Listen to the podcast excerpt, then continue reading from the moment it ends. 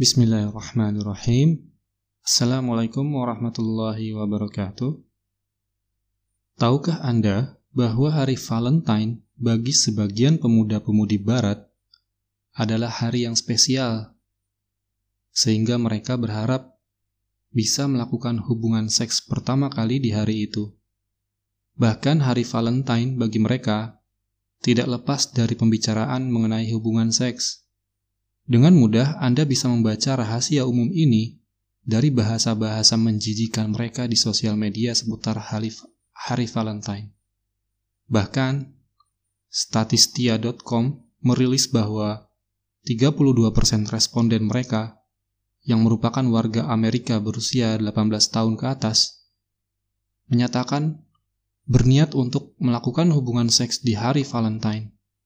Masih dari situs statistia.com, bahwa 16% responden yang berstatus lajang berniat untuk melakukan hubungan seksual dan 59% responden yang berstatus berpacaran juga demikian. Angka-angka ini menunjukkan betapa hari Valentine tidak lepas dari budaya zina. Allahul Musta'an. Syekh Muhammad bin Salih Al-Munajjid menyebutkan, Hari Valentine adalah hari raya bangsa Romawi jahiliyah. Hari tersebut terus berlangsung hingga masuknya bangsa Romawi ke dalam agama Nasrani.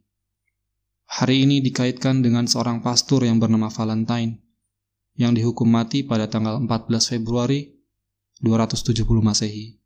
Hingga kini hari tersebut masih dirayakan orang-orang kafir dan mereka sebarkan perbuatan fahisyah serta berbagai kemungkaran di dalamnya. Nahasnya, budaya zina ini mulai ditiru oleh pemuda-pemudi Islam. Awalnya mereka sekedar meniru perayaan hari Valentine saja dengan mengadakan perayaan-perayaan, membagi hadiah, dan semacamnya. Namun lambat laun, mereka juga meniru budaya zina di hari Valentine.